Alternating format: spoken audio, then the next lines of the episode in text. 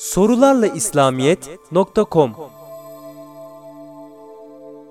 Sesli Sorular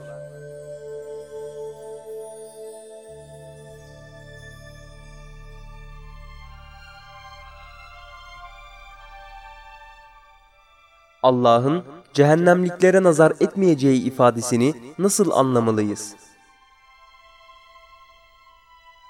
İlgili ayetin meali şöyledir. Önemsiz bir menfaat karşılığında Allah'a verdikleri ahdi ve yeminlerini bozanların ahirette hiçbir nasipleri yoktur. Kıyamet günü Allah onlarla konuşmayacak, onların yüzlerine bakmayacak ve onları temize çıkarmayacaktır. Onların hakkı çok acı bir azaptır.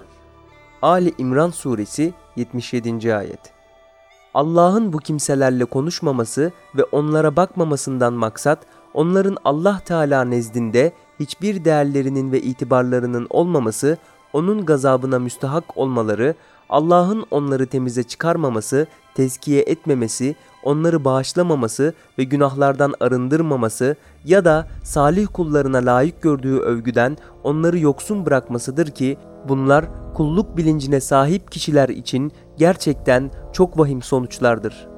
Ayette konumuzla ilgili olarak vurgulanan üç husus vardır.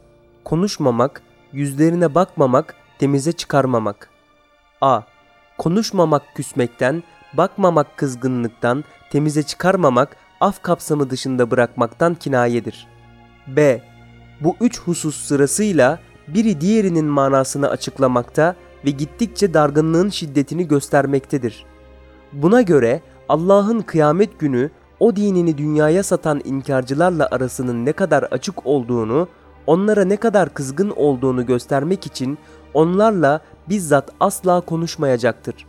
Bırakın konuşmayı bir kere olsun onların yüzüne bile bakmayacaktır. Çünkü hiçbirisini temize çıkarmayacaktır. C.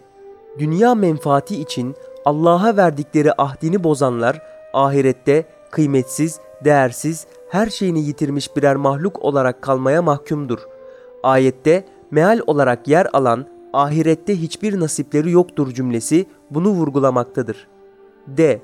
Allah onlarla dostça konuşmaz, onlara şefkat, merhamet nazarıyla bakmaz, hiçbir zaman onları temize çıkarmaz. Bu açıklamalardan anlaşılıyor ki bakmaktan bakmaya fark vardır. Sorularla İslamiyet sundu.